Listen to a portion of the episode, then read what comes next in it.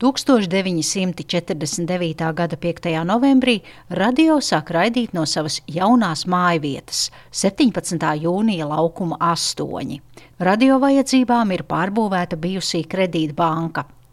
Raidījumā lūkosim, kas šajā vietā te bija pagājušā gadsimta sākumā un kā noritēja bankas un vēlāk radio būvdarbi.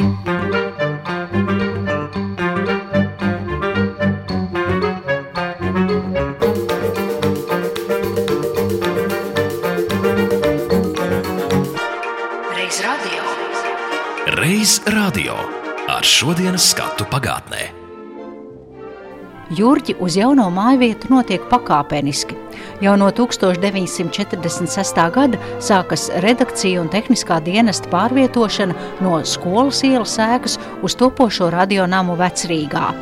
Diktori, redakcija un tehniskie darbinieki nepārtraukti ceļo no vienas istabas uz otru, no stāva uz stāvu. 1948. gada 5. novembrī svinīgi atzīmē pirmās koncerta studijas būvdarbu pabeigšanu, un tieši pēc gada uz bijušo bankas ēku, kas tagad pārbūvēta un pielāgota radio vajadzībām, pārceļas visus kolektīvus. Kā grāmatā Latvijas Radio 75 rakstīja ilgadīgs radioinženieris un radiotehniskās daļas maiņas priekšnieks Ilmārs Ūlāns, tad celtniecības darbos bija norīkoti arī vācu armijas kara gūstekņi. Radio ēkas pusstāvā celtnieki vairāku mēnešu garumā kala durvju ailes vienā no bijušās bankas seifiem. Šim seifam bija dubultas dzelzbetona sienas ar aptuveni 80 cm platu eju starp tām, kuru vajadzības gadījumā drošības nolūkos varēja piepildīt ar ūdeni. Šāda sistēma radionamam, protams, nebija vajadzīga. Gūstekņi būvēja arī studijas pirmajā stāvā un tehniskās telpas otrajā. Toties tā laika presē, atbilstoši padomju varai, ideoloģiskā patosa mērcē, jaunā radionama atklāšana tiek pasniegta šādi. 4. novembrī radiokomitejas darbinieki svinēja lielus svētkus – atklāja jauno radionamu, ko pēc plāna vajadzēja nodot eksploatācijā tikai 1950. gadā. Tā ir velte oktobra revolūcijas svētkos mūsu republikas darbļaudīm. Vēl nekad Latvijā nebija speciāla radionama. 1940. gadā radiokomitejai bija četras mazas radiostudijas, Tagad to vietā ir īpašs nams, kurā pēc vismodernākajām prasībām iekārtotas septiņas studijas. Studiju sienas izveidotas kolonveidīgi. Viss te speciāli akustiski apstrādāts, sienas, griesti, lai iegūtu vajadzīgo atbalsts ilgumu. Sienas izveidotas no ozola finiera, aiz tā gumija un stikla vate, gaisa kārta, siporeks un divu mūra ķieģeļu kārtas, kas aizsargā studijas no ārējiem trokšņiem. Pat durvis te tiek hermetiski noslēgtas un tās sedz speciāla gumijas kārta. Literāri dramatiskajam blokam tagad ir divas studijas un vēl speciāla trokšņu telpa, kur trokšņu meistari prot radīt gan lietuslīšanas troksni, gan pērkona dārdus, gan raturīboņu, gan šāvienus. Mazākas ir studijas, kas domātas lasīšanai, un kur parasti strādā diktori. Caur režijas telpas logu redzam vienu šādu studiju. Turpat labam atrodas diktore komjauniete Biruta Cīrule, kas šeit jau strādā piekto gadu. Interesanta ir mehānisko radījumu telpa, kur uz patafonam līdzīgiem, bet tikai lielākiem apļiem griežas magnetofona lentes, uz kurām uzrakstītas attiecīgās skaņas. Gan dziesmas, gan runas. Magnetofona lente sevišķi interesanta tādēļ, ka uz tās uzrakstītās skaņas var izdzēst un uzrakstīt no jauna, pārlabot atsevišķas vietas. Tā agrākajā kredītbankā, kur kādreiz buržuji skaitīja naudu, Tagad strādā mūsu padomju Latvijas radiokomiteja.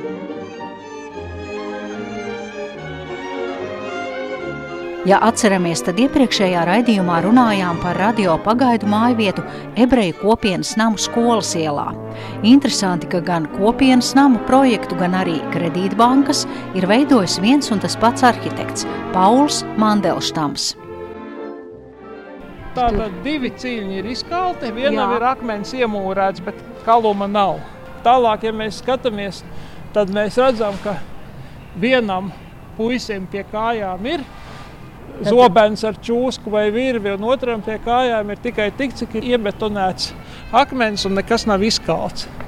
Jā, viņa rokā tur zobenu spālu, bet tālāk tas akmens Tālāk tur ir nav tas tas nav cilnis apstrādāts, nav tas cilnis nav pabeigts. Jā, Tālāk Tur ir tā skatāmies kā- radio fasādi. Ja mēs Jā. skatāmies zem smukajiem burtiem, kuru Latvijas mūsu radio. laikā mēs uzlikām, tad tur ir smuki izkalti ciļņi virs logiem un Jā. arī zem logiem. Un tagad mēs nolaižam acis līdz pirmā stāva līmenim zem logiem. šeit. Jā, ko mēs redzam? Mēs redzam. Ciļņi. klucīšus, Klucīši. klucīšus, kas nav izkalti, tāpēc ka nepaguva. Tad tur arī varbūt tādu ziedu rakstu bija domāts. Jā, izkalt. protams, jā, Mhm. viņi pat projektā kaut kur ir atrodami, ka tur ir ornaments paredzēts bijis. Un, principā, tas nav vienīgais. Es nu jau esmu piemirsis, bet vēl kaut kur bija atrodams šādas te interesantas detaļas, kas nav pabeigtas.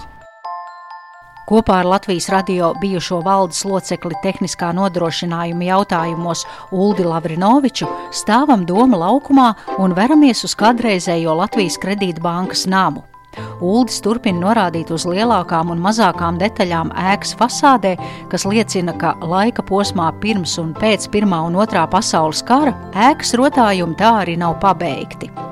Pirms gadiem, pieciem, sešiem strādājot Latvijas radio, Ulris Lavrinovičs ir izpētījis senus dokumentus, kas liecina, ka tagadējā Doma laukuma astoņi ēkas vietā ir bijuši vairāki nami ar adresi Šķūņu iela 2331. Vēl 1890. gados šeit ir Sarainajā, jeb Šķūņa ielā, bijušas četras dažādas mājas. Viņas ir aizņēmušas nu, to gabalu faktiski no tagadējās zirgu ielas līdz nu, Doma laukuma stūrim, kur ir radio galvenā ieeja. Un tālāk ir bijušas interesantas lietas. No sākuma kāds, nezinu, godīgi saka, nepētīja arhīvos, ir apvienojis divas mājas vienā. Un Tur bija tāda fasāde, kas mazliet atgādina nu, lielo ģildi vai tā jau tādu agrīnu jūgenu stilu, tādu nu, kādu logu rindas, kāda 6, 8 logi rindā, un jau tāds tā kā ieejas tāds. Uh, bloks ar, ar uh, arku, kas mazliet, mazliet atgādina to, kas šobrīd radio ir redzams. Bet, ja mēs skatāmies plānojumu, tad ļoti interesanti, ka kvartāla iekšpusē ir bijušas četras garas šauras ēkas, kas ir gājušas no tagadējā doma laukuma, jeb toreizējā šķūņa ielas uh, uz uh, mazo aldaru ielu. Radio cilvēki, kas zina, ka radio ir sēta, Nezinu, daudzi droši vien vienu lietu, ka tā sēta ir faktiski gar vienu sienu mazā Aldaru ielu, ko likvidēja kā ielu 35. vai pat vēl agrākajos gados, kad mūsu vadonis šeit lielo būvniecību sāka. Tajos pašos gados arī nojauca daudz sēklas un izveidoja Doma laukuma pašreizējā izskatā. Doma laukuma bruģī vēl veco ielu līnijas ir redzamas. Skaidrojums. Toreizējais valsts prezidents Kārlis Ulmanis savu personības kultu popularizē arī jaunu simbolu radīšanā galvaspilsētas ainavā, un tāpēc 1935. gadā nojauc virkni vēsturisku ēku, kas slēdzās starp Doma baznīcu un toreizējo kredītbanku, lai izveidotu plašu laukumu, kas toreiz ieguva 15. maija vārdu bet mans sarunu biedrs turpina rādīt kopijas ar dokumentiem no pagājušā gadsimta pirmās puses, kur lasām, ka 1914. gadā ir lūgums būvvaldei pievienot šeit esošos namus pilsētas kanalizācijai, lai varētu ierīkot ūdens klozetu. Bet jau 1935. gadā bankas namā lūdz ierīkot personu celtni, iekavās liftu. Ja mēs paskatāmies 30 kura gada dokumentu, tad um, mēs šeit atrodam vienu ļoti interesantu papīru. 1935. gada 10. decembrī Rīgas, nu, toreiz saucās citādāk, būvvaldei, jeb uzraudzības nodaļai, Latvijas kredītbanka ziņo, ka trūkumi, kas apsekojot ir atrasti 4. stāva virtuvē, ir novērsti. Jo, ja mēs studējam vecos plānus, tad mēs varam ieraudzīt, ka tajā spārnā ir bijušas trepes. pusloka trepes, kas ir savienojušas visus stāvus, kurus tagad ir demontēts. Un savukārt tā kāpņu telpa, kurā šobrīd ir jaunākais Latvijas radio lifts, ir bijis iekšpagalms šai mājai Šķūņa ielā 23 vēsturiski. Banka tika būvēta uz trīs pārējo māju pamatiem fasāde tika salaista kopā vienota, bet šī te, teiksim, bankas daļa, tās ir trīs ēkas, un ar to ir izskaidrojums tas, ka radio ir ļoti daudz tādu vietu, kur mainās augstumi. Ja iet iekšā, tad no sākuma uz leju, pēc tam atkal uz augšu. Tas viss ir saistīts ar to, ka šīs ēkas pamati bija dažādi, un tad, kad viņas salaida kopā, tad pamats tikai pastiprināja, bet nepārbūvēja, neaizrakt ciet, un tāpēc tur ir tāda jocīga konfigurācija. Aizvien radionamā pāris kabinetos ir saglabājušies kamīni un grīdas līmeņi, vietām ir katrs savā augstumā. Tās ir norādes no pagājušā gadsimta 20. un 30. gadiem, kad būvējot banku līdzās darba telpām, tika izbūvēti arī bankas pārvaldnieka vajadzībām dzīvoklis ar virtuvi un vānas istabu. Skatot tālāk, kā 1946. un 49. gadā ritēja bankas pārbūves darbi radio vajadzībām, lasu radioraidījumu galvenā inženiera Visvalža Grūbes atmiņas. Bijušās bankas ēkas rekonstrukcijas darbu kopējā izmaksa ir plānota 7 miljonu 704 tūkstošu rubļu apmērā. No tiem 5 miljoni un 36 tūkstoši rubļu radiotehnisko iekārtu un inventāra izgatavošanai un montāžai. Sākas radionama izbūves un profesionālās studiju iekārtas izgatavošanas darbi. Izvēle krīt uz senām darba tradīcijām, apveltītās Rīgas rūpnīcas, radiotehnika, konstruktoru augsto kvalifikāciju. Radio pārraides trakta projekta koncepcijā tika izmantoti pazīstami Vācijas raida organizācijas sasniegumi līdz 1940. gadam. Princips bija vienkāršs. Tā laika akustikas normām atbilstoša laba studija, kvalitatīvi mikrofoni, lineārs skaņas signāla pastiprināšanas kanāls, raidītājs un labs radio uztvērējs. Spilgta pagājušā gadsimta 50. gadu atmosfēra radionamā ir iegrāmatota rakstnieces Māras Svīras romānā Audums kāzu kleitai, jo literātes pirmās darba gaitas ir sākušās Latvijas radio, un viņas stāsts ir par mīlestību valdošās varas un ideoloģijas fonā pagājušā gadsimta 50. gados. Galvenie varoņi Vizma un Kārlis ir reāls personas, un Vizmas prototyps dzīvē strādāja radio, gluži tāpat kā savulaik romāna autore. Trešajā stāvā pretim kāpnēm logi. Tiem met gaismu līdz pat lejai. Pa labi priekšstāv par vecu kamīnu, kurā pīpētāji paslepeni met izsmēķus, lai gan uguns drošības dēļ stingri noliegts durvis uz mūzikas un literāro raidījumu redakcijām. Istabas esot gana grēznas ar skatu uz doma laukumu, īpaši radiomākslinieces kā vadītāja slavenā komponista Jāņa Ivanova kabinets. Tālāk pa šauru gaiteni pēdējo ziņu valstību. Ja paiet garām tai, tad nonāk pie otrām trepēm, pavisam vienkāršām, līdzīgām jebkurām dzīvojamās mājās. Kāpņu telpā gaitenis apmet loku un tālāk ir bērnu redakcija, kurā var nokļūt arī no galvenajām kāpnēm, pagriežoties pa kreisi. Ej pa labi, nonāks pa kreisi, ej pa kreisi, nokļūsi pa labi. Ēters! Vide, kur izplatās radioviļņi. Tas bija fragments no minētā romāna radio iestudējuma, ko lasīja aktrise Marina Janauss. Līdz pat šai dienai viena no labākajām ierakstu studijām Baltijā ir mūsu radioēkas pirmā jeb koncerta studija. Šajā telpā bankas laikos atradās kases operāciju zāle. Sienas te ir apdarināts ar puslokā izliektām kolonnām, kuras savulaik izbūvēja speciālisti no Sanktpēterburgas. Par to stāsta Latvijas radio skaņu inženieris Augustīns Delle. Tā ir absolūti tāda akustiska nepieciešamība. Tādās telpās, kurā ir plakanas, paralēlas sienas, skaņas viļņi atstarojās un veidojās to, ko mēs saucam par stāvviļņiem, un ierakstos tas ir faktiski tas ir ļoti traucējošs piemaisījums tai tiešajai skaņai. skaņa telpā tiek vai nu izkliedēta vai slāpēta. Šī studija ir rēķināta universāli, lai viņi derētu lieliem maziem skaņas avotiem. Un viņi rēķinātu, lai tā skaņa izkliedētos. Tā ir sena bankas zāle, un sienas ir paralēlas, un viņa telpas vidū ārā trokšņi nenāk iekšā. Viņi mums ir ļoti piemēroti akustiskiem ierakstiem, koncertiem un visam tam. Un kaut kad pēc kara, precīzi es nezinu, kā tas bija, šeit strādāja toreizējās Leņņģeradas akustiķi, mērija un atrada, cik kolonām jābūt kādam radiusam un kā viņas tiek izvietotas. Ja es tagad sastīšu plauksts, tad nebūs nekāda atbalsts, bet būs skaņas rimstoša tāda Ja mēs to darītu tukšā istabā, kādreiz pirms remonta izkrāmē istabu, sarunājoties pat grūti runāt, jo tev nāk atstarojumi. Šeit to atbalsti apēd. Tā atbalsts tiek izkliedēta, un tas izpaužās. Thank you. Kā jau lielam un senam namam pieklājas, tā arī radiomājai Doma laukumā astoņi ir plaši pagrabi. Tie atrodas aptuveni 6 metrus zem Doma laukuma līmeņa, un agrāk te bija ierīkotas kurtuves.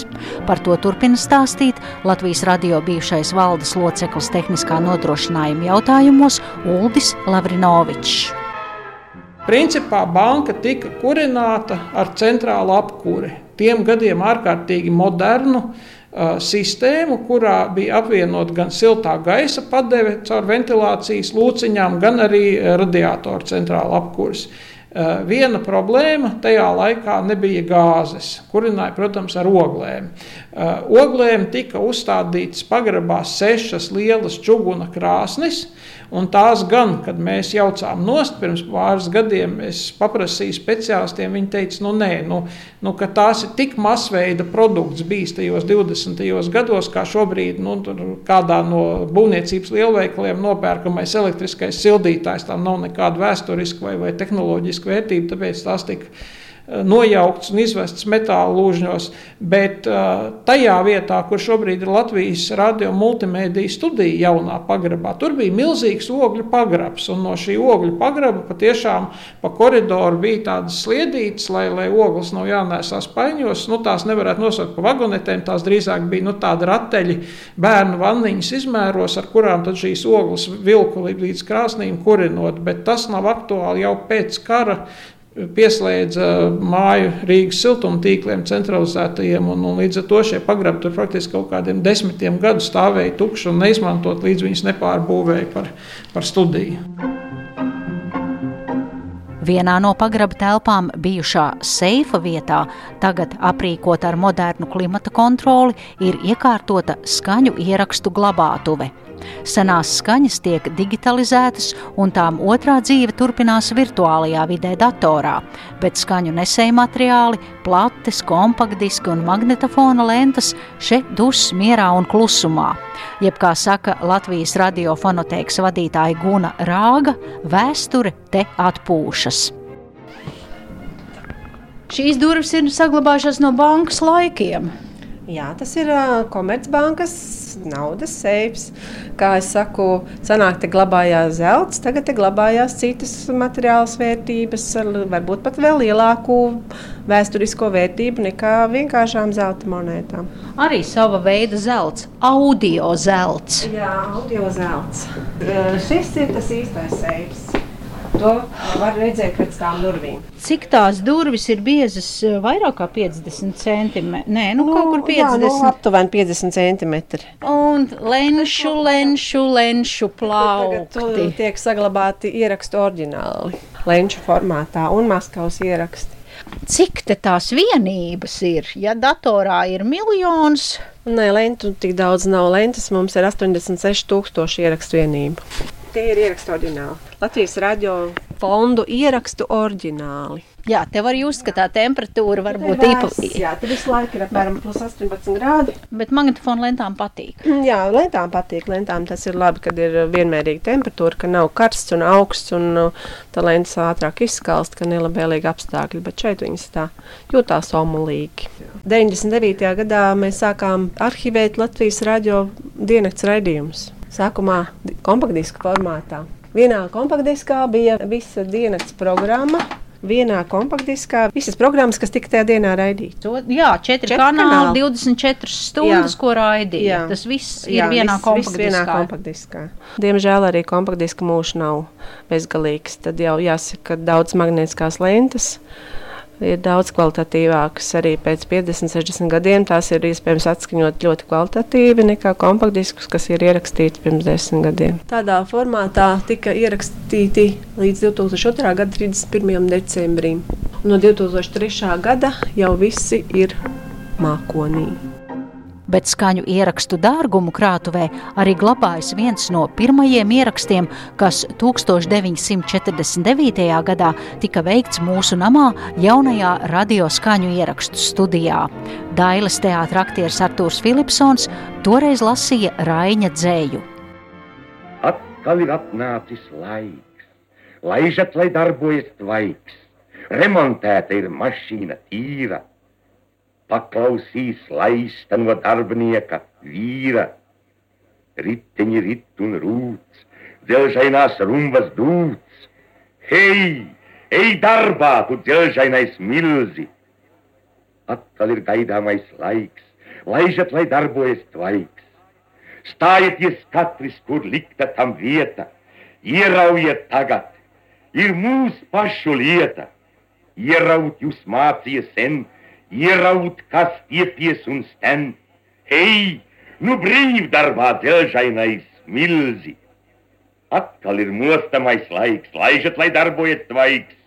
Guloņus, gurdeņus, grūstat un raustat, dzinējus svarmā, kas vairat un šaustat, svelmi un sutumu lais, vaigs no darba laikais.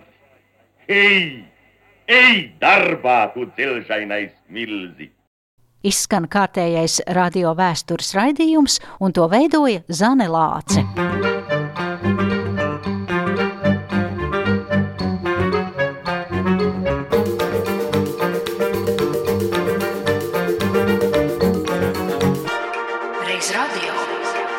Reiz radio ar šodienas skatu pagātnē.